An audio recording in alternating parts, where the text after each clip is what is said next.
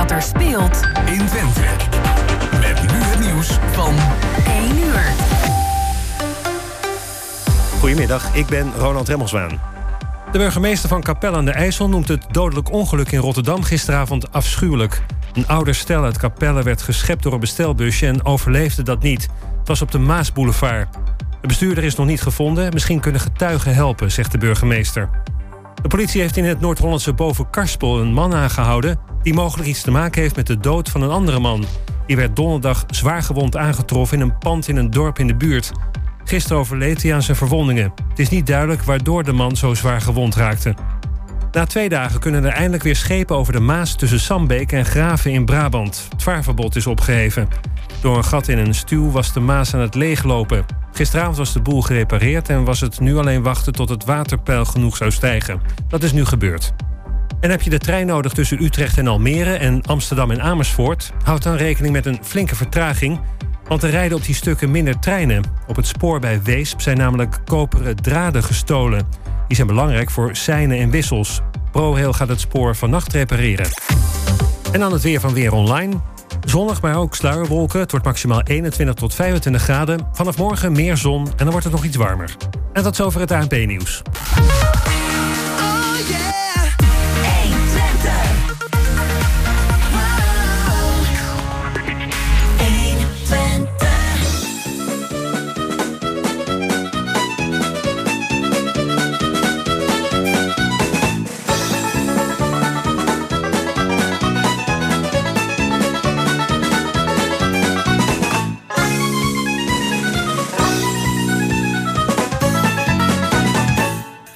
Hartelijk welkom bij het programma Kwartetten op deze zondag 3 september.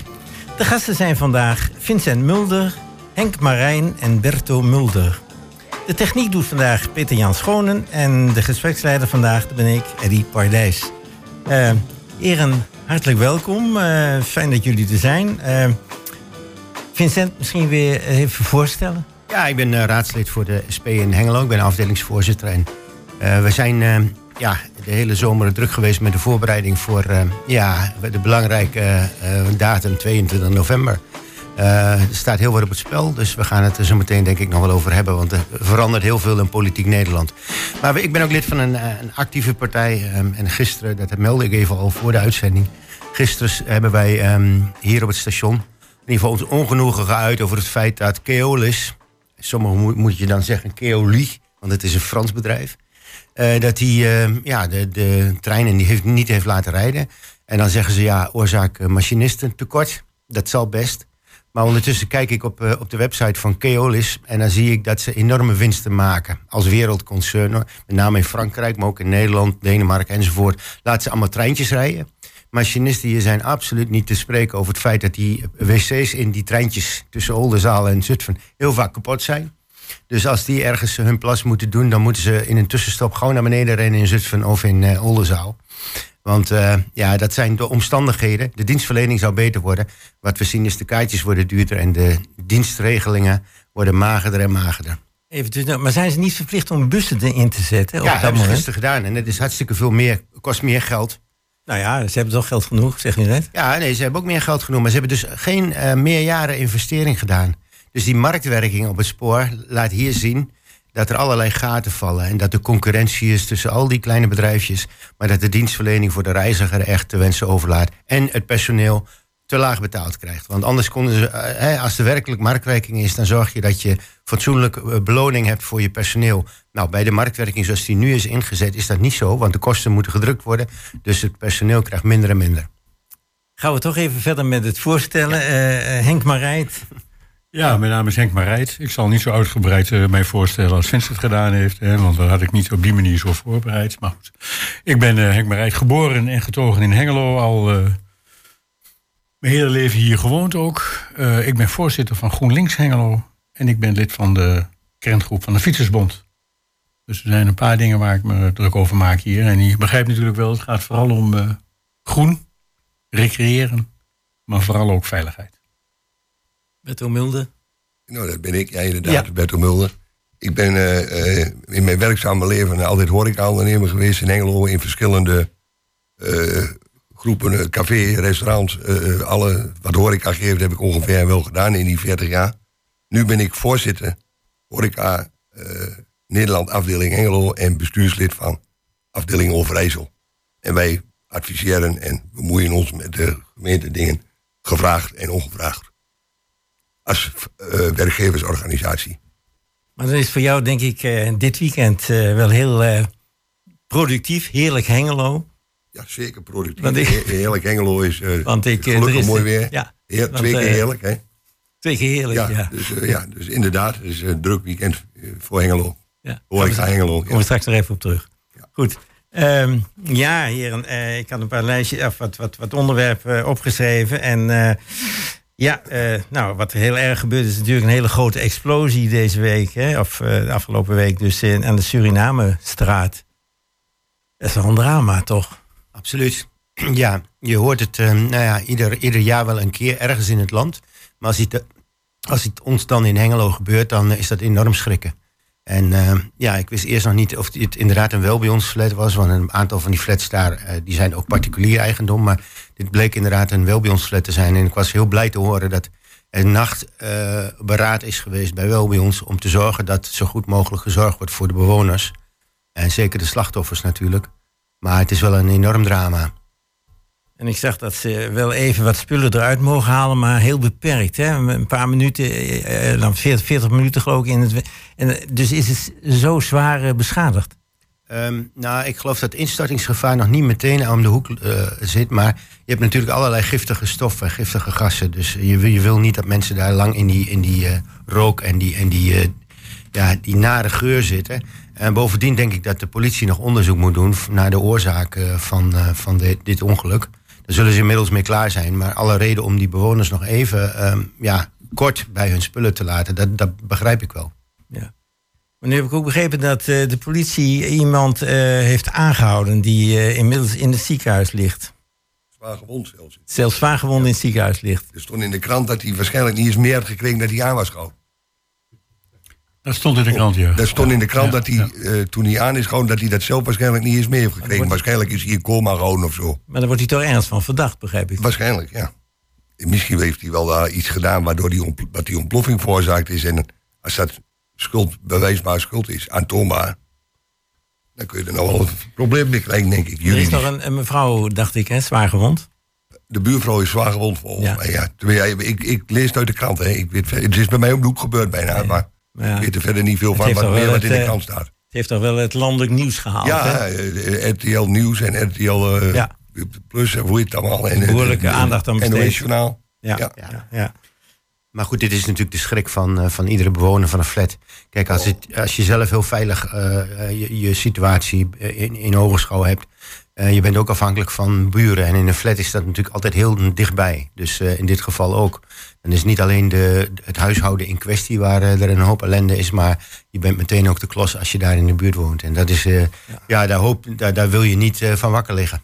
Nee, maar het is ook wel belangrijk, denk ik, dat eh, buren een beetje goed contact met elkaar hebben. Hè? Dat ze elkaar ook een beetje in de gaten houden, tussen Ja, een aanhalingstekens. verwarde persoon volgens mij. Dat begreep ik ook een beetje uit dat stuk die daar de ontploffing nou schijnbaar veroorzaakt heeft. Ja, maar dat is toch wel een puntje, hè? Een verward persoon, zeggen we dan. Ja, dat is Dan ik lees, ik precies. lees Nee, precies, dat weet ik ook niet zo goed hoor. Dat is, dat is wat er dan eh, gesuggereerd wordt. Maar een verward persoon, dat is natuurlijk, eh, dat zien we overal. Hè. We zien overal mensen die tussen aanhalingstekens verwarde personen zijn. Hè. In Almelo was iemand met een kruisboog. En je, je leest wel meer van dat soort dingen. Dat zijn mensen die allemaal, ja, die zijn er. En die allemaal eh, vanwege, nou, ook overheidsmaatregelen, allemaal in de wijk moeten wonen. Allemaal in, tussen de, nou, meer gewone mensen. Ja, dat Daar klopt. is ook niks, op zich niks mis mee. Nou, Maar nee, op zich Sommigen zijn ook goed niet dat die mensen daar wonen. Nou, ik denk dat het goed is dat die mensen ook wel tussen ons wonen. Maar er moet dan wel zo'n goede begeleiding zijn... dat die mensen ook in staat zijn om, eh, om zich sociaal ook goed... eh, ja, zeg maar onder de andere mensen te, te mengen en te bewegen. En als dat onder druk staat, hè, omdat mensen geen hulp willen... of omdat mensen het erg niet meer zien zitten... en ze halen dan een wanhoopsdaad uit... ja, dan heb je een ernstig probleem. Die gewonde buurvrouw die heeft natuurlijk part Nee, nog deel aan, aan het hele verhaal. Op wat er ook met die man aan de hand is, daar kan die buurvrouw echt helemaal niks Nee. aan doen. Nee. Dus iemand die, die, die, die onder begeleiding staat, die moet ook zo begeleid worden dat het ook, zeg maar, ook kan. En dat je ook kunt wonen in zo'n situatie. Ik, ik wil nog wel even ja, ehm, toch een slag om de arm nemen. Want ik, ik wil dit niet één op één Nee. op deze situatie leggen. Dat is ook ik ben het wel met jou eens, Henk. Eh, kijk, de, de bezuinigingen in de geestelijke gezondheidszorg. En het eh, zorgen dat mensen meer op straat moeten zijn. Hè, ook weer met dakloosheid. Ook mensen die zeg maar, moeilijk in een woning kunnen wonen. Zelf omdat ze ja, omstandigheden hebben in hun eh, psyche dat dat niet lukt. Ja, die krijgen steeds minder begeleiding. En dat is de bezuinigingspolitiek van, eh, van nou, laten we zeggen, de, de jaren Balken en de Rutte geweest. Ehm, ja, mijn vrouw werkt zelf in de GGZ en die heeft gezien dat er heel veel ehm, eh, ja, opvangmogelijkheden verdwenen zijn. En, en dan werd, was het eh, sausje van ja, het moet meer ambulante begeleiding zijn. Nou, Henk geeft al aan dat in heel veel gevallen dat eh schrikbarend tekort schiet. En ehm, je kunt natuurlijk ook niet iemand 24 uur per dag eh, eh, begeleiden of eh, in de gaten houden. Dat is onmogelijk. Maar signaleren dat er zoiets op komst is, dat lijkt me toch wel Dat is lastig. Ja, ja, dat is lastig, maar Dan, dan denk ik dat je van de, van, de, van de duizend mensen, dat je er misschien wel 900 eigenlijk weer ja, in een opvang moet krijgen. Want ehm, je kunt natuurlijk nooit iets uitsluiten. Dingen gebeuren soms. En de, de, knoppen staan, slaan soms ook door bij mensen. Dus dat, ehm, maar is dat altijd te zien? Ja, er is heel veel te voorkomen als die zorg goed geregeld is. En daar eh zit hem het probleem. Maar ja, wie signaleren dat dan? Ja, hè? maar diegene die Nee, dat beslist, hoe vaak hoor je niet van een TBS ontsnapt is? Of eh, ontsnapt of, of met proefverlof is gestuurd. Ja. En die twee dagen later weer een vrouw aanrandt of weet ik veel wat. Nou, dat is maar heel weinig. Ja, maar de één is ook genoeg, hè? Nee, dat klopt, dat klopt. Maar, Dat is- wie, maar, wie, maar, wie, maar- wie, wie, wie beslist dan dat diegene naast jou mag wonen? De rechter. De rechter eh, bepaalt of iemand eh Ja, maar na, na advies van wie? Ja, Die rechter van- die weet dat niet van, zichzelf. Nee, van de behandelaars. En we mogen ervan uitgaan dat die behandelaars echt wel weten wat ze doen. Weet u hoeveel mensen er op proefverlof gaan elk jaar in Nederland? Ik heb geen flauw idee. Nee, nou, er zijn er me- meer dan 12.000 of zo. En er zal absoluut wel eens misgaan, dat geloof ik ook. Maar goed, ik wil. ehm, kijk, ehm, we hebben het over TBS. Dus er zijn natuurlijk heel veel verschillende gevallen van mensen die instabiel eh, eh, in hun leven staan. En ehm, ik denk dat het eh, in Hengelo ook te zien is dat in bepaalde wijken. dat daar een grote concentratie is van mensen met een probleem. Wat voor manier dan ook. Een relatieprobleem, een psychisch probleem, drankprobleem of verslavingsprobleem. Of niet meer geld om kunnen gaan. Nou, en als je in Hengelo naar de wijken kijkt. Dan zul je dat bijvoorbeeld in Slangenbeek niet zoveel eh, tegenkomen. Maar delen van de Nijverheid en delen van eh, eh, Veldwijk, daar zie je dat wel. Maar het, het, het, En daar, en, daar geldt, ook, hè? en daar geldt wat jij zegt, namelijk als je in die wijk woont, nou dan ben je mooi uit huis. Ja, maar het plust ook, hè? Ja, Vroeger, als je door, ik, ik, ik ben aardig bekend in Amsterdam, vroeger hoor, over een paar jaar gewoond zelfs. Dus, en daar liep in de tachtig jaren al van die, die, van die damschreeuwers, zeg maar, op straat. En die, die schreeuwden iedereen na en I kill you en ik doe dit en ik doe dat, maar die deden allemaal niks. Maar die waren helemaal in de war. Of door drugs of door andere eh, geestverruimde eh handel. Maar, ja, door wie Maar die zag je hier toen niet. Maar door wie wordt er dan ingegrepen? Maar nu, in, vroeger in Amsterdam lieten ze gewoon lopen, die deden geen vlieg kwaad. Maar nu krijgen ze ook in Hengelo de laatste jaren. Dan zie je ze van de week bij Teamsbrug stonden er nog een helemaal wild. Iedereen te bedreigen en te schreeuwen. Die deed niks, maar het, als je aankomt loopt en je bent een beetje gevoelig voor, denk je nou, hè? Wie doet daar wat aan? Maar ze lieten hem gewoon lopen. Er kwam geen politie, er kwam geen boor, er kwam niemand. Maar wat moet je dan? Nou, in ieder geval de boor. als, me- als, als, als dat mens niemand kwaad doet, dan kun je hem ook niet opsluiten. Nee, maar, hij liep wel bemoeizorg- te bedreigen. Maar bemoeizorg, Bemoeizorg goed, is nodig. ik ook wel. En daar is eh, fors in bezuinigd. En je hebt ook gewoon wijkcoaches eh, die op een gegeven moment eh, veel, te veel, veel te dun gezaaid zijn in Precies. Hengelo. Ik bedoel, er zit een wijkcoach, geloof in Groot Driene... en die moet dan meteen een deel van Veldwijk en een deel van de Nijverheid erbij doen. Ja. Nou, die man die kan onmogelijk eh, alles goed in de gaten houden. Ehm, ik denk dat we als, als burgers ook plicht hebben om te signaleren en te melden. En die mogelijkheden digitaal zijn tegenwoordig eh, eh, legio. Alleen dan krijg je de klacht van, ja, ik heb gemeld... en ik heb eh, hè, bijvoorbeeld over iemand die nou ja, ongewenst gedrag, gedrag vertoont... maar weer niet in die mate dat de politie meteen uitdrukt... ja, dan, dan zie je dat er een grote leemte valt, want daar is er niks. Dan zit daar Dus, niks dus, achter. de wijkcoach en de wijkagent die moeten goed samenwerken om dat Ja. soort extreme gevallen dat ze die in beeld hebben. halen. Met Toch die, die in Engelo, in als voorbeeld Engelo, daar wonen we toch met elkaar. Dus als die in Engelo vrij rondlopen, die dan een beetje eh, afwijkend gedrag vertonen, laat ik zo zeggen. Vind ik dat ze die moeten zorgen dat ze die in ieder geval in beeld hebben, wie dat zijn. En als er een nieuwe bij komt, ja, Maar er Dat is zijn wel een beetje gevaarlijk, hè? Er zijn er Afwijkend, vier, zijn, ja, afwijkend gedrag. afwijkend gedrag, dat kan al heel snel iets zijn waar de, waarvan je kunt bedenken van... ja, doe je iemand kwaad of doe je iemand niet Ja, maar kwaad? als, hier- als hier iemand op de stoep staat en ik kom er met de fiets langs en die begint te schreeuwen van ik vermooi en ik doe dit en je bent schooien, je bent- ik weet niet wat, die, wat, die, wat ze er allemaal uitkraam. Dat vind ik afwijkend gedrag. Ja, maar En dat is ook, kan ook intimiderend Ja. en bedreigend Ja. overkomen. Ja. Ja, en eh, iemand, Ondanks dat hij niks doet. en Beto, iemand anders die zou zeggen van je Ja. mag hier niet met de fiets op de Ja, stoep. precies. Dus eh, jouw af, eh, dat gedrag is afwijkend maar Ja. dat is verder niet gevaarlijk, hè? Zeg maar. Nee. Ik kwam, ik kwam daarna fietsen en dan zie je bij de stoplicht... en dan komt er een bromfietsje, haalt mij in. En de, de stoplicht, eh, het vi- Ja. voetganger, eh, of eh, voor de fiets is gewoon rood. En die haalt mij in, zo'n meisje van een jaar of 18, 19, 20, weet ik hoe oud. En die gaat in één streep rechtdoor.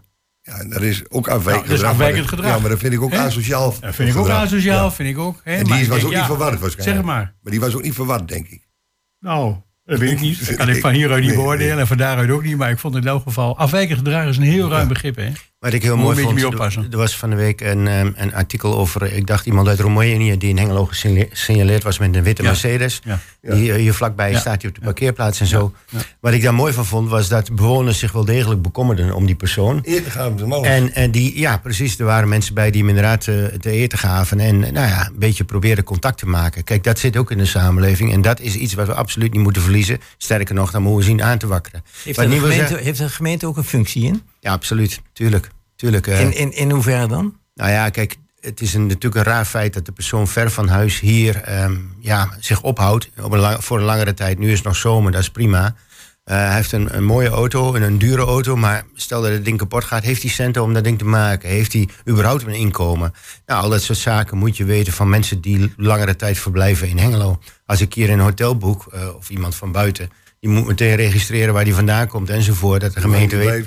Ja. BSN-nummer, Ja. noem maar op. Ja, ja, Dus eh, ik vind, kijk, en dat hoef je niet heel strikt te doen. Iemand mag je best een week lang eh, nou ja, op een parkeerplaats slapen. Dat vind ik allemaal niet zo erg. Maar dit zijn wel dingen, daar zit een verhaal achter. En ik vind dat je als gemeenschap daar dat verhaal wel moet zien te ontrafelen.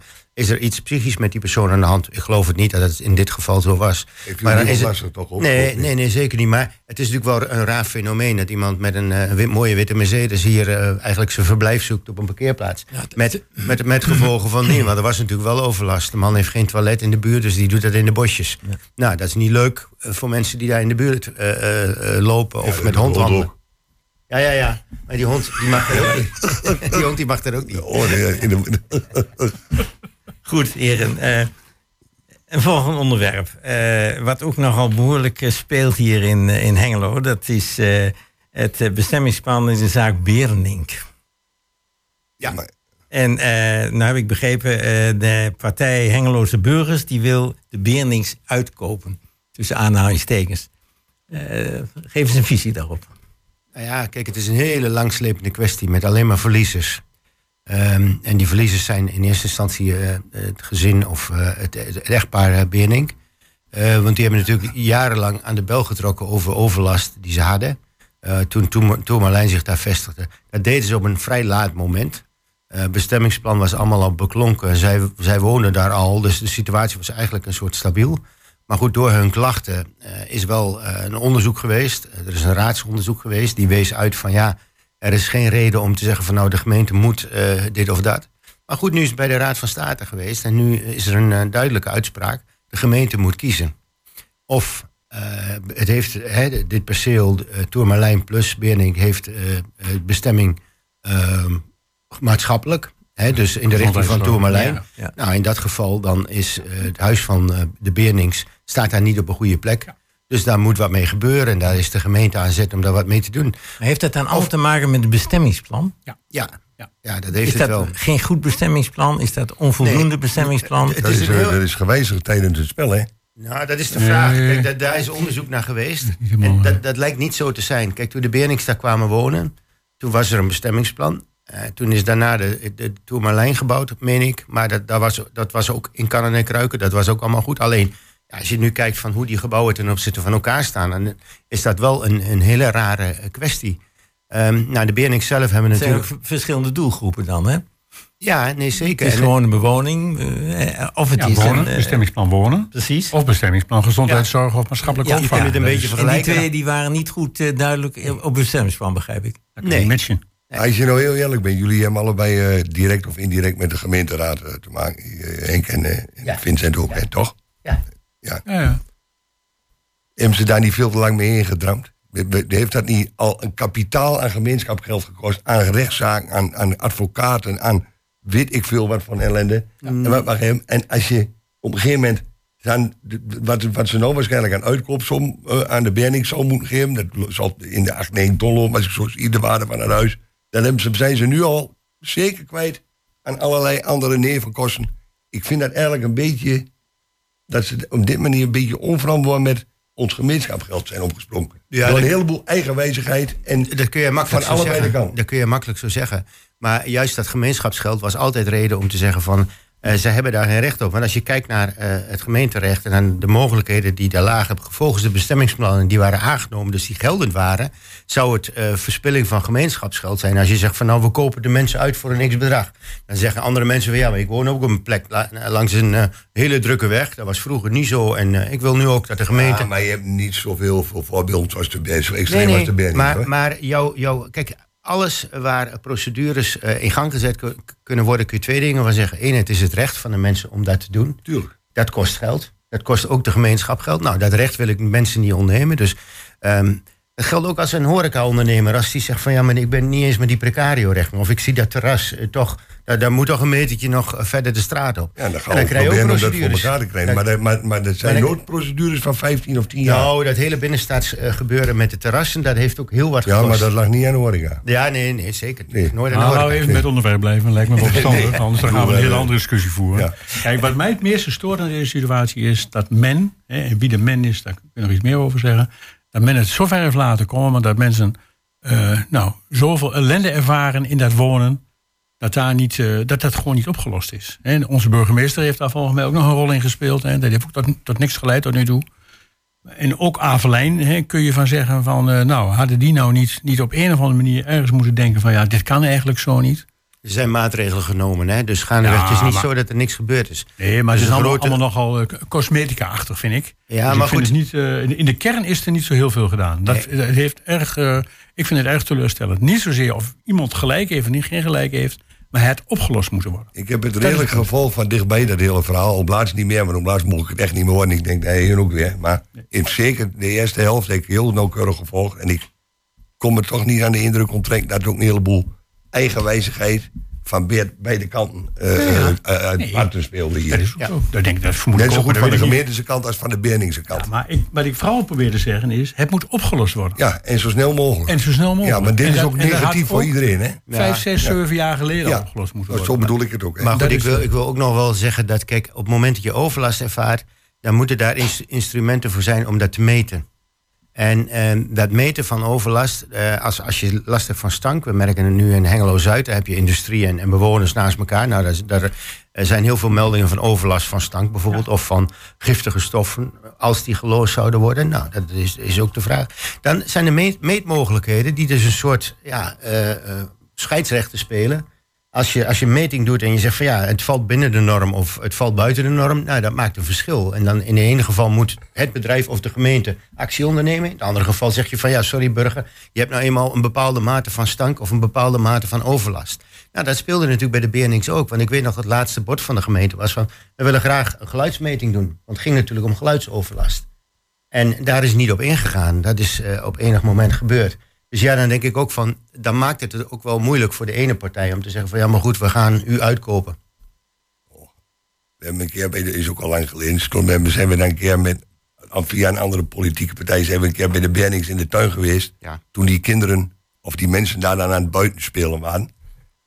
Geloof van mij, met alle respect voor die mensen, nou, met, echt met alle respect, je kon niet eens met elkaar praten bij de mensen in de tuin. De, je, je, je kon echt, er was, op dat moment vond ik het, je ge- je kon elkaar wel verstaan, Ja. maar je kon geen normaal gesprek voeren, want die, dat geluid van, die, op van de buurt was heel dominant aanwezig. Ja, en als gemeenteraad, En als dat de hele dag zo is, dan word je er stapelgek van. als gemeenteraadslid zeg ik van nou, ik, ik ga niet bij elke eh, eh, vorm van overlast, ga ik niet ter plekke eh, luisteren of ruiken of wat dan ook. Ik vind ook dat de gemeente instru- de instrumenten die ze hebben om overlast eh, eh, eh, te verklaren of overlast te, te meten, dat ze die moeten inzetten.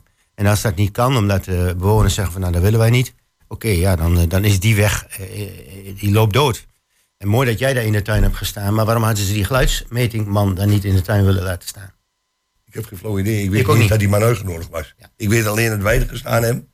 Tijdens een buiten moment Ja, ja, ja. van die mensen natuurlijk. En dat was niet te doen. Je kon echt niet, je kon je niet oriënteren op gesprek met, dat, met die herrie om, om je heen. En met die, misschien die kinderen die kunnen daar niks aan doen. Maar als buurman zit je er wel mee. Maar goed, de Raad van State heeft nu duidelijk gesproken. Die zegt van er moet een keuze gemaakt worden. En daar kan ook nog uitvallen dat ehm, het ehm, een woonbestemming blijft houden. Dan mag Beerning te blijven wonen, maar dan krijgt hij wel een andere buurman. Want dan moet er, Tourmalijn moet dan op een of andere manier moet daar huizen van gemaakt worden. Of huizen op dat terrein gebouwd worden of wat dan ook. Dus ja, die keuze ligt voor aan de gemeenteraad. En het college heeft een brief gestuurd dat ze met een voorstel komen. Nou, eh, wij zien het eh, Je wacht het af. hè? tegemoet. Ja, precies. Dus het duurt ben nog heel eventjes. benieuwd. Het duurt nog even voor Nou, het ik denk wel dat ze snappen dat dit, Nee, dat dit haast een heeft. Dit is niet een kwestie Heeft de. Raad van State dan nog een, een deadline opgezet? wa- Voor wanneer ze wat moesten doen? Ehm, volgens mij niet, maar dat weet ik niet zeker. Ik heb de uitspraak niet gezien. Goed. We stoppen met dit onderwerp. We gaan eens even een stukje muziek luisteren.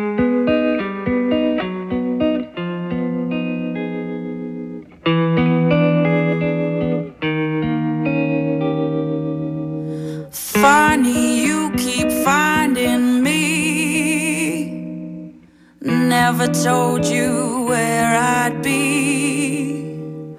Strangers passing ships at night. In the dark, I cannot hide. I can't remember why you're here. Day and night, you're always near. In my dreams, I see high.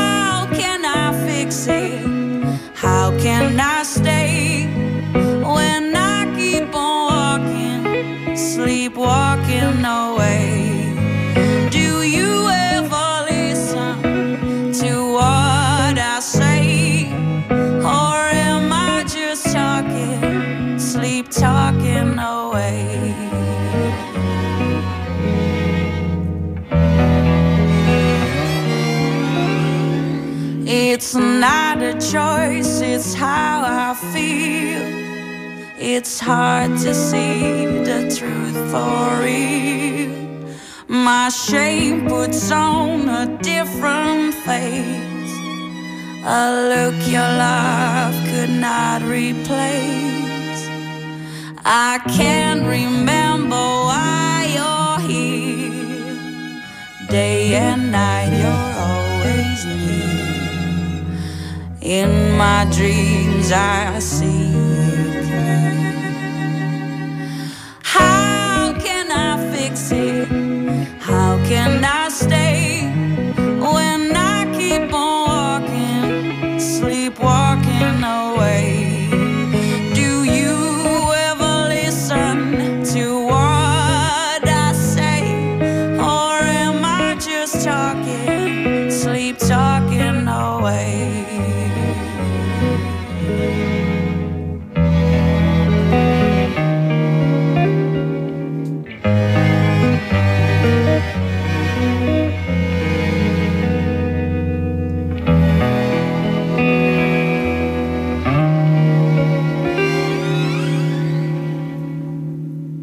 dit was Nona met Sleep Talking. Eh, heren, eh, ja, ik lees hier Pieter Omzicht.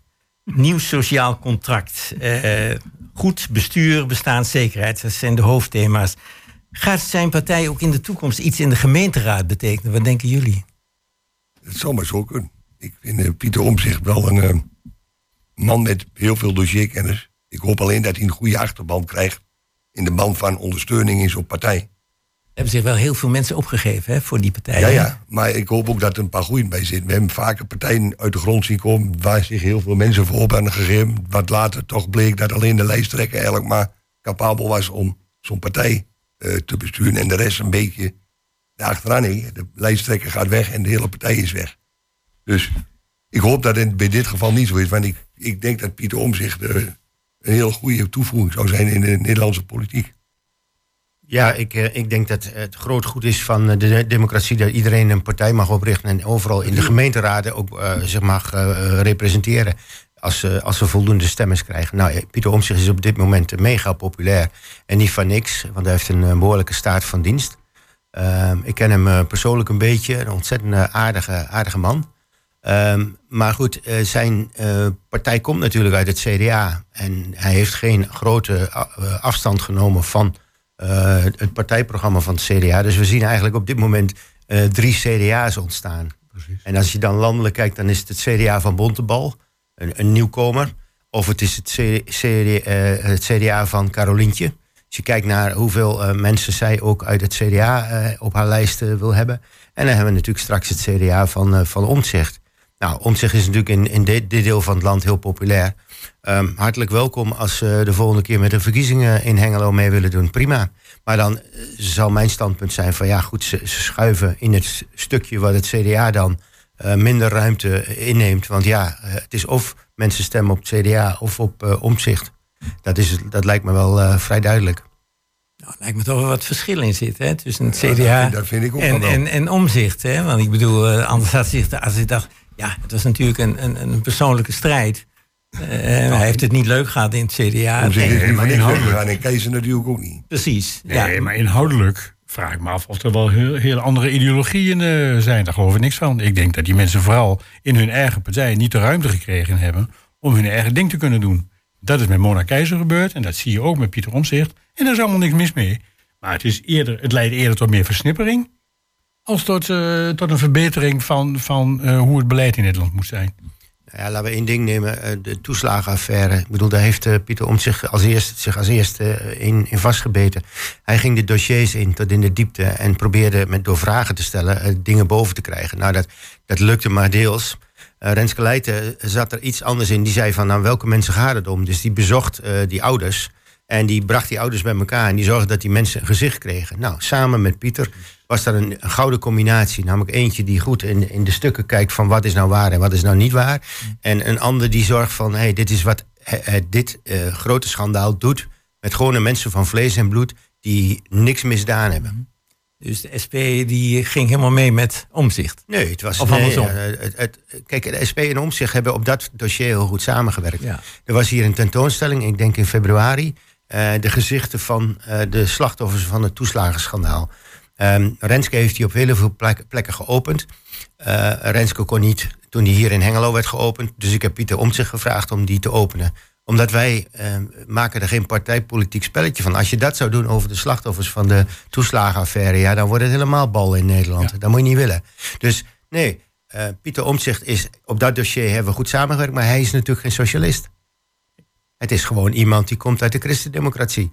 Het is iemand die wel een goede visie heeft op hoe, het anders bestuur, hoe Nederland anders bestuurd zou kunnen worden. En daar heeft hij een boek over geschreven. Dat is ook basis van zijn programma. Nou, prima. Dat is de leidraad, hè? Ja, van alleen dat is natuurlijk uh, een andere manier van Nederland veranderen zoals wij als SP dat zouden willen. Ja. Maar ja, goed, hij, hij zegt zelf al, uh, dat kan ik ook niet binnen een, een, een, twee, drie jaar te doen. Dat natuurlijk tien jaar, hè, om dat uh, een beetje ja, om dat te veranderen. Maar als je maar eens een beetje die kant op beweegt, hè, ja. dan is het al... ja, dan moet je de rest wel meekrijgen. Ja, precies. Van de andere politieke partijen ook. Nou ja, kijk, de SP heeft op het gebied van democratisering bijvoorbeeld hele goede, uh, ja, goede standpunten en goede voorstellen. Namelijk, we willen meer zeggenschap op al die dingen die van ons allemaal zijn. De dienstverlening in het openbaar vervoer, hadden we het net al over. In de zorg, daar moet de marktwerking uit. Dat is echt desastreus geweest. Dat kost klauwen met geld, kapitalen. Dat geldt ook voor politie. Dat geldt ook voor uh, ja, uh, heel veel zaken die te maken hebben met gewone openbare dienstverlening. Ambtenarij sowieso. ik noem maar, als je het hebt over de Belastingdienst bij de toeslagenaffaire. Hoe kan het dat daar mensen uit de wind worden gehouden? Uiteindelijk is mijn conclusie, er zitten ministers die zouden orde op zaken moeten stellen bij zo'n belastingdienst. Hoe is het mogelijk dat jullie etnisch profileren hebben toegestaan? Dat jullie hebben gezegd, nou, als die achternaam niet Jansen of Pietersen is, maar die is Alaoui of uh, uh, um, Mohammed. Dan, uh, dan gaan we die mensen al een vinkje ja, bij zetten. En die, en die komen aan de beurt. En die komen aan de beurt. Nou, dan moeten ze bij jou een café doen. Ja. Nee, en jij zegt van jij niet en jij niet en jij wel. Maar hebben, niet. hebben politici dat wel in de, hebben politici dat wel in de gaten? Want ze worden toch, laten we zeggen, geïnformeerd door ambtenaren. Nou, het is voortgekomen uit de Bulgare fraude. En daar is eh, heel veel misbruik gemaakt, dat weten we allemaal. En dat heeft geleid tot een of andere situatie waarin de, aan, de, aan de ambtenaren opdracht is gegeven om daar op dat soort situaties veel, eh, nou, veel strakker op te ageren. Nou, vervolgens is dat uitgevoerd op een manier waarvan we nu eigenlijk denken van ja, hè, dat is discriminatie puur zang. Maar toch is het op die manier gegaan. En daar heeft toch ook de hele Tweede Kamer mee ingestemd. Ik Maar- denk, maar dat is één, Henk. Ik denk, ja, maar, ik denk dat er ook een paar mensen hebben zitten slapen. Ja, maar de uitvoering ging. maar Henk, dat is één. Als je Ja. dat nou constateert, Ja. en dat is al in 2014 geconstateerd, dan ga je toch zeggen, nou, die mensen die nu blijkbaar slachtoffer van eh, misvattingen zijn geweest, die gaan we compenseren. Die halen we bij elkaar en dan zeggen we, jongens, sorry, eh, eh, dit geldt even niet voor jullie. Streep het door en compensatie. Maar zo is het maar niet zo gegaan. is het hè? niet gegaan. Nee, zo is niet gegaan. En Nee, daar is de politiek er- verantwoordelijk voor. Dan zou er onderzoek komen, wie is daar uiteindelijk verantwoordelijk voor? Ja. Ja. Nou, de, de politiek. Hè? Daar kun je gewoon naar kijken. Politiek in het algemeen? Of, eh, nou, de politiek die op dat moment, richting? zeker die op dat moment aan de macht was. En dan zou je de handelingen van de Tweede Kamer moeten nalezen. Dat weet ik niet uit mijn hoofd. Ik geloof dat niemand van zijn hoofd dat weet. Maar dan zou je nog kunnen kijken hoe alle, alle partijen of alle actoren daarin meegespeeld hebben. Maar het probleem is nog steeds niet opgelost. Nee. Wat moet er gebeuren dan? Nou ja, kijk, ehm, daar heeft Pieter ook niet meteen een oplossing voor. Alleen samen, ik denk, als je Renske en Pieter daarop zou zetten om eh, daar echt eh, schoon schip te maken. Ja, dan, dan moet de hele boel uitgeruimd worden bij de Denk Belastingdienst. je Dan- dat Renske nog weer terugkomt? Eh, Renske is niet weg. Ze is alleen niet verkiesbaar. Ja, ze staat op een laatste plek op de lijst. Maar ze wil niet meer de Tweede Kamer in. Ze zegt van, ik ben klaar met al dat kletsgedoe. Ik wil nu actie, activisme. Nou ja, dat heeft ze eh, laten zien. Dat met activisme, dus die mensen bij elkaar halen... en zorgen dat ze met spandoeken staan voor die Tweede Kamer... dat heeft gezorgd dat uiteindelijk eh, de, de, de steentjes aan het rollen gingen. Maar de oplossing, ja... eh, dat, Kijk, voor iedereen moet een individuele oplossing komen, omdat ieder individu natuurlijk een andere situatie heeft. Dus ze kunnen niet zeggen van wat ze eerst zeiden van nou doen we 30.000 euro en dan moet je maar moet je je mond houden, dan is klaar. Voor de een is dat te veel, voor de ander is dat te weinig. Dus er is ook een grote onrechtvaardigheid. Ja, Zo los je dingen niet op. En er is natuurlijk veel leed bij. Hè? Ja, Kinderen absoluut. die uit huis gezet zijn. eh, ja. en hoe ga je dat oplossen? Hè? Ja, neem- neem het dat in de ellende kwamen, die konden geen boodschap meer doen. Naar de voedselbank moesten hier nog eten. was één drama. En, en, en nou goed, eh, Mona Keizer, hè, die naam is al genoemd, die is dus in, eh, bij de kanaaldrama heeft ze onderzoek gedaan, heeft ze aanbevelingen gedaan. Nou, wat ik lees, haar algemene, eh, eh, ten- de algemene teneur is, het moet menselijker. Ambtenaren moeten niet alleen maar op de regeltjes gaan kijken, maar naar de menselijke situatie. Nou, daar ben ik heel erg voor. Dus dat is volgens mij een goede conclusie. Maar dan, hoe voer je dat uit? Want moeten diezelfde ambtenaren die de regeltjes heel strikt hebben toegepast, moet je die nu, nu vragen van, doe maar even niet? Nou, dat gaat tegen hun beroepseer in. Dus dan, dat moet je Dan door andere, op andere box- mensen Dan moeten ze laten ouder doen. op de box gaan denken. Ja. Ja. Dat is levensgevaarlijk, daar moet je niet aan beginnen. Nee, maar ook... dan zeg ik out of de onderbox of out of de bovenbox. Ja, ja, ja, ja. Dat moet je plat hengeloos kun je dat wel verklaren. Dat krijg je drama, maar dat moet je niet doen. Nee, dan moet je voor weer, dan eh, gaat het de goede kant niet op. Maar goed, je hebt net al de naam van Mona Keizer. Ja, was het een verrassing dat hij bij het CDA wegging en toch eh, nu bij de BBB terechtkomt? Nee, ik vond zelfs eh, Tubantia, vond ik, eh, die had daar natuurlijk, maar of ze weet van haar, dat weet ik niet. Maar die, die hebben twee keer Ja. de, de voorkop van de krant Mona Keizer. En dat was in het kanaaldrama. Ja. En nu zaterdag komt dan ook nog een grote binnenpagina met Mona Keizer wordt binnengehaald, binnengekust door BBB Ja. Caroline. Nou, prachtig. Ik bedoel, natuurlijk, je kon het van verre aanzien komen. Eh, ze, ze, ze had het lidmaatschap van het CDA, weer het CDA, had ze opgezegd. Ja, en dan heeft ze de weg vrij om eh, naar een andere partij te gaan. En prima. Ik bedoel, ja. Ik heb, eh, ja, ik heb daar geen mening over verder. Nou, geen mening over. Ik vind het is een beetje partijhoppen, hè? Ja. Dat zie je bij eh, hè, die, die twee mensen die van Ja 21 gekomen zijn. Hè? En, die, eh, en die mevrouw die van eh, de PVV komt. Ja, dat is toch wel een beetje. Ik denk van nou, is dat nou de manier van partijhoppen vind ik niet. Ik vind partijhoppen dat ze van de ene eh extreme naar het andere gaan. dat Nou, vind ik Dirk-Jan partijhoppen. Epping, Dirk-Jan Epping Ja, is dan met de, vijfde, is met de vijfde partij bezig. Maar dat is een ander. Maar, Ja, maar over maar luister, Mona, Keizer heeft... eh, die vind ik, ik vind dat hij nog wel een beetje binnen na terrein is gebleven... door naar de BBB te gaan. Die Ja, zijn, da- daarom zeg Ja, ik, het is nou CDA. ja, het is ja. ook het CDA. BBB Ja, is ja, ook ja, CDA. ja, ja. CDA niet 2.0 zo. of zo. ja, nou, dat is ook niet helemaal zo. Maar het Nee, is in ieder nou. geval wel een beetje... qua richtlijn vind ik wel dat ze... Ja? Ze heeft niet in één keer helemaal een andere mening gekregen. Politieke Nee, mening. maar het is, ik denk wel dat het een persoonlijk ding is. Hè. Zij komt bij het CDA, kwam ze niet verder. Nee, En dan stap je eruit en dan zoek je een inhoudelijke reden ervoor. Dan stap je eruit en dan ga je bij de volgende partij ga je dan je nieuwe inhoudelijke ding doen. nee, nou, als- ik ben benieuwd. Ik ben benieuwd hoe lang of dat duurt. Maar goed, ik vind, dat ik zullen vind we zien. dat, eh, ik vind, als jij morgen bij de GroenLinks weggaat en, je, en ze bieden je ergens anders wat aan, wat in jouw eh, eh, mening ligt, in jouw, op jouw trein ligt, waarom zou je dat niet doen? Maar het probleem Nou, is ze dat... er- bieden mij niks aan. Nee, dat maar- gebeurt maar- sowieso al niet. Het pro- het probleem is- rustig, maar probleem ik, is dat allemaal wat ik bedoel toch of niet?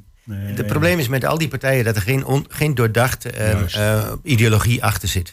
Niet van hoe willen wij de samenleving uiteindelijk inrichten en wat hebben we daarvoor nodig. En wat eh, moeten burgers eh, voor offers brengen en wat moet de overheid, eh, hoe moet de overheid ten dienste staan van mensen. En daar, die visie daarop die ontbreekt. Bij Pieter Omtzigt kun je nog zeggen, nou die heeft daar een mooi boek over geschreven. En daar heeft hij best wel hele rake dingen gezegd. Alleen voor ehm, heel veel van die mensen, ja 21, heeft geen visie. Ja, die doen een PVV light of een PVV recht. Ik weet het niet. Ehm, ze ze zitten allemaal heel sterk op dat asielzoekersprobleem. En ehm, dat, dat nemen ze als hoofdpunt, omdat ja, als kom ik aan de deur bij mensen, dan zeggen ze ook heel vaak van ja, het ligt aan die boetenlanders.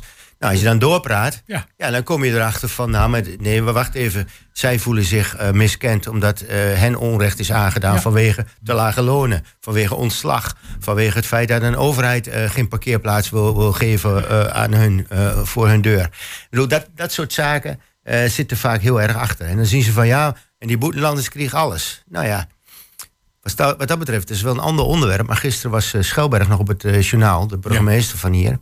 En dat ging over eh, ja, de derde landers. Nou, dat vond ik een hele interessante. Want dan zie je dat met de oorlog in de Oekraïne... er meteen een reflex was van... oh, we moeten solidair zijn met de Oekraïners. Dus kom hier maar naartoe. Aparte status. Jullie hoeven geen asiel aan te vragen... maar jullie mogen hier blijven totdat die oorlog op is. En, eh, oh ja, an- andere mensen die in Oekraïne waren... die mochten ook mee. Dat werd gewoon maar eh, door Rutte in één keer... Eh, pennenstreek, klaar.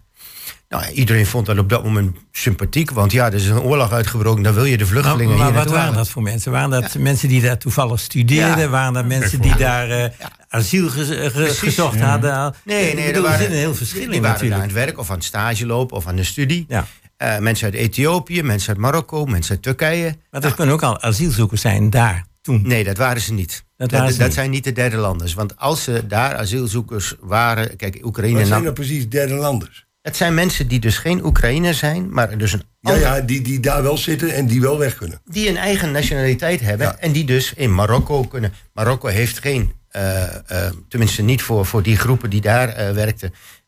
geen probleem om die mensen weer terug te halen. Ze kunnen weer naar hun familie in hun eigen land. Naar Turkije of naar... dan moeten we dat zeker doen. Maar die zijn toen hier naartoe gehaald met de clausule van... nou, voorlopig mogen jullie wel blijven. En daar is toen door de staatssecretaris van gezegd... nee, 3 ma- maart houdt op. En nu werd dat 3 eh, september. Nou, nu heeft de Raad van State gezegd... maar oh, wacht even, dat gaat allemaal te snel. eh, pas op de plaats. Nou, in Hengelo hebben we ook van die eh derde landers. En dat maakt dat eh, ja, ook een groep buitenlanders... deze groep buitenlanders... die eigenlijk door de regering recht is gegeven om hier tijdelijk te blijven, dat die zegt van ja, maar wij zijn eigenlijk ook een vorm, vorm van asielzoekers.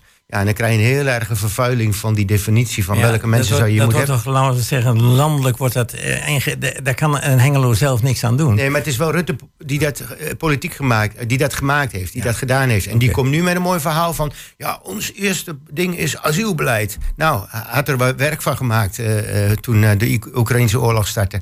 Dat heeft hij laten liggen. En dan nu vervolgens mooi weer spelen, omdat er sentiment in de samenleving zijn van er komen te veel buitenlanders. En dit was een kleine groep, maar dit is wel aantoonbaar een kleine groep die eigenlijk eh, onterecht hier naartoe is gehaald toen.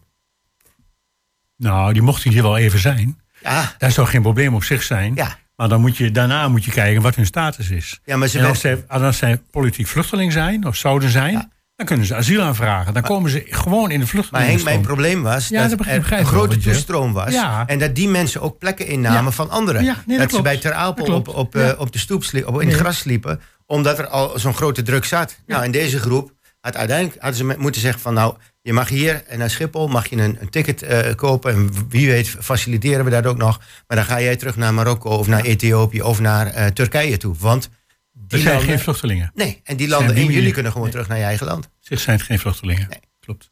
Dus we moeten nog even wachten op die beslissing. Ja, dat, dat wordt nog even wachten.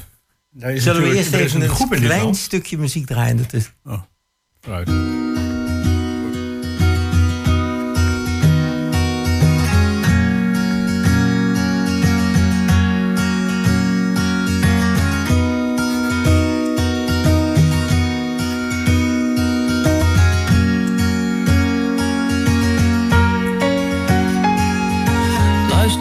Kleine heer. Het is al laat, mijn vriend, ik wil niet meer. Je moet gaan slapen. De dag was lang en de nacht te kort. En ik denk dat het zo lichter wordt. Je moet gaan slapen. Oh, en ik weet donders goed waarom ik zoveel van je houden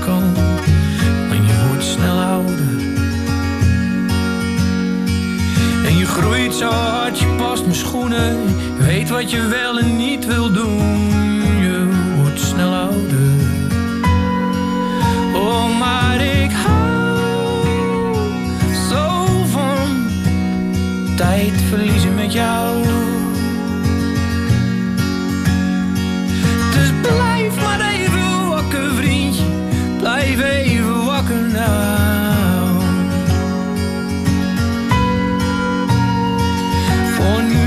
Lekker, kleine vriend.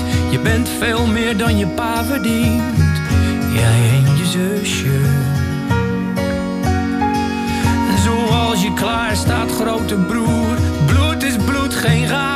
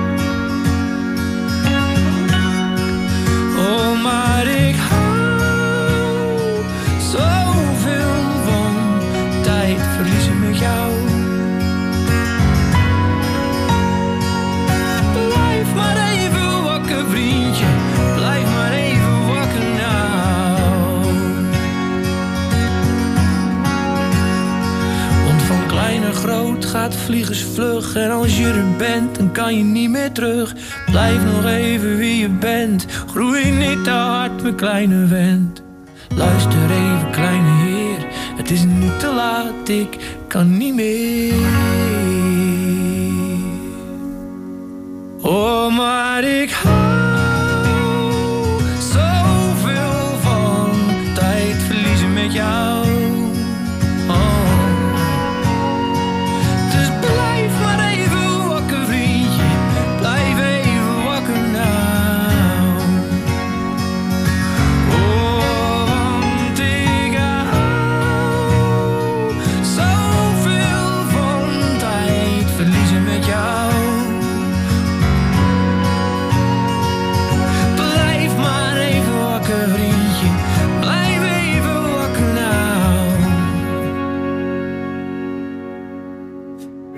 En dit was eh, Raccoon met tijd verliezen. Eh, ja, we gaan toch nog even weer. We hebben natuurlijk helemaal de landelijke politiek een beetje eh, besproken. We gaan nu even terug weer naar het Hengeloze. En ja, dan lees ik tot mijn grote ja, verbazing. zelfs er zijn twee, tenminste zover ik weet, mensen hier die op een verkiesbare plaats staan, of een niet verkiesbare plaats, de landelijke politiek. En dat is eh, in dit geval Hanneke Steen, is de wethouder op de woning van Verkeer en Financiën. En die staat op plek 9 van CDA. Bijzonder? Ik vind, ik, ik het leuk. Ik, ja, ik vind, het heel, ik vind het heel mooi. Ik, ik wens haar veel succes. Ik hoop eh, dat CDA eh, zoveel zetels krijgt dat ze mee mag doen. Of misschien op voorkeurstemmen, weet ik hoe het werkt. Ik denk dat zij daar wel op de plek zit. Ik vind Anneke Steen wel een goed raadslid. En wethouder nu. En dan zie ik eh, de oud-wethouder Mariska Tehuw, die kandid- op de kandidaatslijst staat van de SP. Ja, ze staat op, uh, op een uh, lijst duwersplek. En dat heeft wel vaker gestaan. Uh, en dat is ook dat ze, ja, ze ondersteunt van harte de, de Tweede Kamerlijst. Maar zegt van, nou, het, is niet, uh, het ligt niet, niet, in mijn bedoeling om in de Tweede Kamer meteen aan de bak te moeten. Dus vandaar die lijstduwersplek.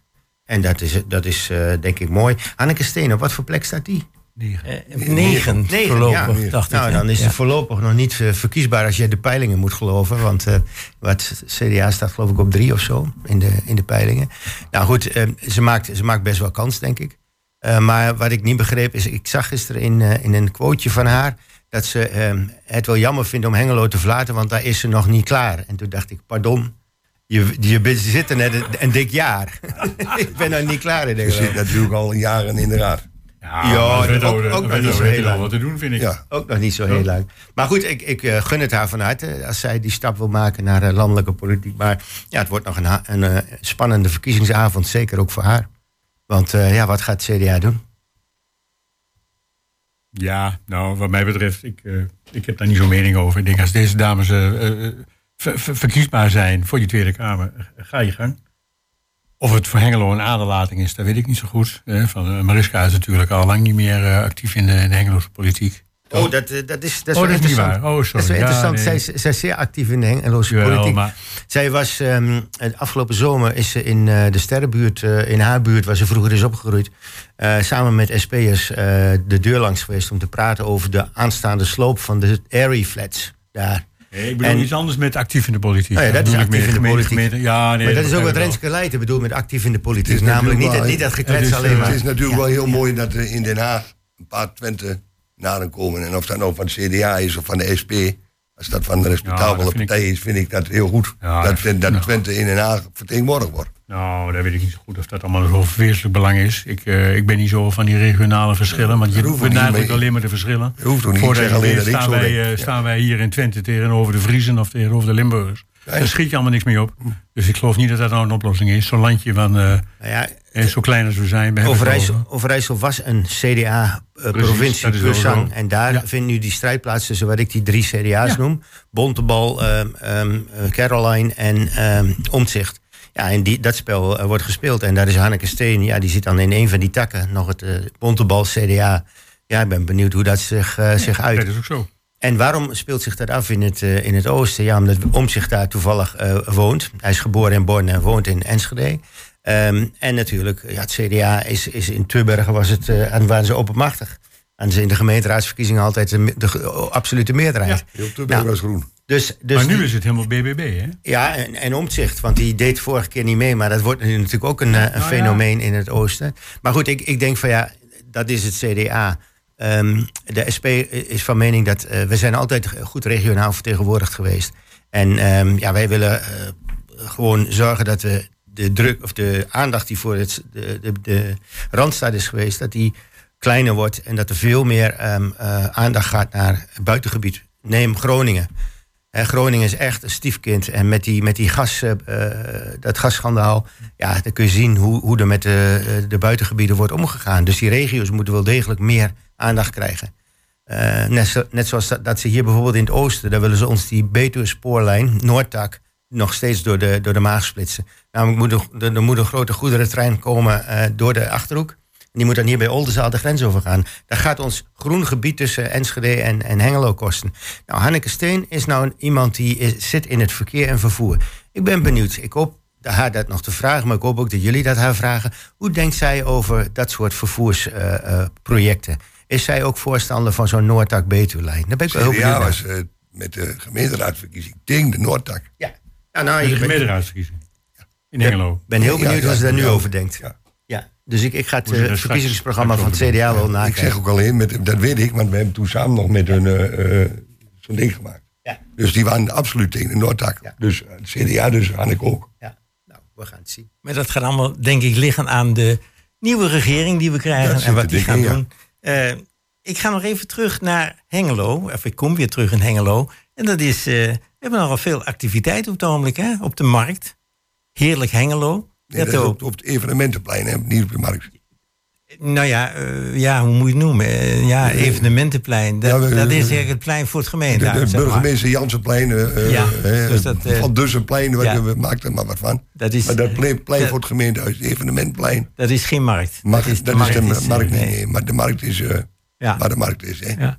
Maar heb ik de indruk dat het een beetje te klein aan het worden is, allemaal? Nou, nu gaat het nog wel, maar ik denk dat dit waarschijnlijk wel, als ik zo de oppervlakte bekijk, wat Heerlijk Hengelo nodig heeft, dan is het waarschijnlijk een van de laatste keer dat Heerlijk Hengelo daar kan gehouden worden. Maar als die horeca aan wand komt, die terrassen die komen ongeveer tot aan die fontein, Zo. kon je mooi zien met die eh, volleybalveld, met een volleybalveld. Ja. En als je, daar moet je nog een terras voor denken van meter of vier, vijf. En dan moeten nog mensen langs heen. Dus je kunt ook niet voor zo'n terras een groot hek zetten. Dus je moet, je moet, moet bereikbaar zijn. Dus dat plein blijft niks van over. Ik vraag me af, eh, in, als we nog wat willen organiseren in Engelo, van enig naam, waar we die dan eh, moeten laten optreden. Even, op het evenementenplein is het te klein, zegt hij. Ja, dat, nu gaat het nog, Nee, maar nu gaat het nog, als maar het als straks daar een bebouwd is, is. en waar de, waar de Ebenal gebouwd stond, dan komt Ja. ongeveer de horecawand. Ja. En er komt vijf, vier of vijf meter terras voor. Ja. En dan moet nog een, een, voetpad of een fietspad langs. Er blijft niks van dat plein over. Dat, eh, Dus de, de grote evenementen, dat is eh ik, zou einde best- verhaal. ik zou echt niet weten waar die joh, in 2025 nog moet laten plaatsvinden. Nou, Prins Bernhard doen, denk ik. Ja, maar daar, daar zit een, eh, een bepaalde geluidsnorm op. Ja, nee. Hè, en die, die is al ruim volgeboekt. Ja. Dus Nee, eh, dat is ook zo. Dat klopt. Al dat soort dingen speelt Ja. allemaal mee. Ja, Geldt dat niet in de binnenstad, geluidsnormen? Jawel, maar Henk zegt Prins Bernhardplas Ja. Ja, dat, dat zou is, inderdaad qua ruimte nog een ding wezen. Ja. Ja. Maar daar zit, je zit, zit met een bepaald aantal geluidsuren... wat je boven de, de normale eh, eh, decibels uit mag komen. En die zijn volgeboekt. Ja. Maar we hebben de BAM-festival, Ja. we hebben... eh, Maar interessant is dat de kermis, die zegt ook al van, of de, hè, de, de planning van de kermis, die zegt ook al van ja, de evenementenplein, daar hebben we niet genoeg ruimte. Nee. Dus die gaan weer die Deldende straat, waar de bewoners vorig jaar overvallen zijn Ja, ja. door allerlei grote toestellen voor hun ramen. Ja. Eh, die gaan ze nu weer innemen en dat zal waarschijnlijk permanent zijn. Ze zeggen nu van ja, doen we nog een jaar, maar ik zie niet in waar zo'n kermis anders naartoe moet. Dus eh, Wordt die, Dan wordt die kun- dan niet verdeeld over de hele binnenstad? Ja, maar dat gebeurt al. Eh, eh, Wanneer is het Marktplein die daar stond? Eh, Ja, ja. daar. Bij de grootste deel van de kermis stond het Marktplein. echt, en om de hoek in de Molenstraat. En, en later ook nog een stukje stels naar het station toe. De markt De is niet meer mogelijk. Markt kan niet meer. Dus, dus daar- kun je helemaal niks meer neerzetten. Dus die hele ruimte ben je kwijt. Dus die kermis moet over de Enschedeze straat. Nou, Deldense straat, wat Vincent zegt. Er waren inderdaad een paar mensen die vonden het niet zo leuk. Er was er eentje zelfs, die had het over natte tosti. En dan bedoelde hij de ambtenaar van de kermis mee. Maar dat vond ik nog wel een dingetje. Maar ik, ja. ik heb er gelukkig ook nog een paar gesproken die, die zijn... Ik vind dat best gezellig, een paar dagen zo'n ding voor het raam. Maar ik kan me voorstellen dat de mening daar inderdaad over verdeeld zijn... als je zo'n ding voor de deur krijgt. Maar waar moet je dan met de kermis naartoe? Naar Hart van Zuid? Nee, dat is. Kijk, als mensen, Ja, eh, als- mensen maar. dat in de, aan de Deldense straat, als ze dat van tevoren eh, eh, meegekregen hebben. van nou, dit gaat het, eh, evenement, of het eh, kermisterrein worden. Nou, prima. Maar nu was het van tijdelijk, hè, omdat er, eh, de- er werd van alles gebouwd. En nu blijkt ineens van ja, het kan maar zo worden dat het eh, permanent wordt. En dan is het, kijk, als je op de markt gaat wonen, als je daar woont in een van die flats, dan weet je van ja, iedere zoveel tijd in het jaar komt er een kermis of een evenement. Eh, da- daarom woon ik hier eh, in een binnenstad. En dan krijg ik dat op de koop toe. Eh, maar aan de Deldense straat hebben mensen dat nooit van tevoren geweten. Het is gewoon een straat. Je verwacht niet dat er ineens een grote hijskraan of is een, eh, een, een reuzenrad voor de, Nee, voor de Is raam. nooit, is nooit geweest. Ah, we- we- wij waren er redelijk bij die in- indeling van de kermis betrokken. Dat, dat was echt uit nood geboren, maar ze konden er gewoon echt geen kant mee op. Nee, maar dit jaar weer. Ja, het klopt. We zitten met nog een, Ja. eigenlijk nog met een benarde situatie. We hebben nog minder ruimte. En je krijgt stra- straks Teamsbrug. Er moet een nieuwe supermarkt gebouwd worden. Een hele wand eh, naast de horeca Ja. Dus dat Dat wordt, komt nog eh, verder naar voren, volgens wordt, mij. Dat wordt heel krap daar. Ja, dat blijft ni- van dat plein blijft niks over. Tenminste, niet voor, eh, even, ja, heel Niet klein, voor zo'n grote niet voor evenementen, nee. En ook niet voor uh, Heerlijk Hengelo, denk ik. Ja, maar als je nu ziet, daar staan overzien. allemaal hekken Ja, omheen. Ja, Nou, die krijg je dus straks. mee. Krijg je zo heer als hekwerk voor zo'n terras, dat kan niet. Tenminste, dat weet ik nou al, dat Nee. wij daar nooit meer akkoord zullen gaan als Nee, nee, horeca. Maar dat gaan ze ook niet doen. Daar hoef je niet eens over te discussiëren. Dus waar moet je, waar moet je dat dan neerzetten? En waarom moesten die hekken daar staan dan? Wat is- nu staat er Heerlijk Hengelo staat er helemaal in. in ja, maar waarom staan er geen hekken? Wat is omdat ze een, ingang willen. Ja, ja, ja, maar goed, dus het- ziet er raar uit. Als je van verschillende kanten eh, aankomt rijden, dan denk ik van jongen, wat is dat? Ja, ik moet eerlijk zeggen, dat, is was- dat is mijn, was mijn keuze ook niet om. Nee. Maar daar hebben ze toch met bepaalde redenen gedaan, omdat ze één ingangcontrole wilden hebben. Ze wilden toch wel ongeveer weten wie er op anders komt ze van alle kanten zo'n terrein op. Maar stel je voor dat die hekken die kunnen dus niet voor zo'n tras staan straks. Nee, dat snap ik wel. Maar ik vind die hekken sowieso... Dat, is- Nee, maar weet zo je, moeilijk. als, zouden ze die hek ook niet hebben, dan, kun je dus zo'n- dan krijg je zo'n rug van zo'n kraam eh, naar zo'n terras. Dat kan ook niet. Dus zeg maar, waar wil je ermee naartoe? Nou ja, ik denk dat eh Horeca Hengelo, eh, waar jij eh, voorzitter van bent... Dat, je, dat die maar eens goed moeten gaan kijken op de kaart. Van, Ja, daar zijn we al mee bezig. En de gemeente denkt ook wel mee. Maar we zitten allemaal met hetzelfde probleem. ja, nou goed, dan... eh, Maar eh, zullen we als afsluiten met eh, zo vandaag dan nog maar even genieten van heerlijk Hengelo? Ja, Goed. en, eh, in ieder geval van nou, de zon. Ja. En eh, nou, daarmee sluiten we dus deze uitzending af. De gasten waren Vincent Mulder, Henk Marijt en Berto Mulder. De techniek deed Peter Jan Schonen. De gasten werden uitgenodigd door Jos Klasinski. De organisatie was in handen van Emiel Urban. En de gespreksleider vandaag, dat was Eddie Pardijs. Ik wens u nog een hele fijne zondag. wens ik je ook. Dankjewel.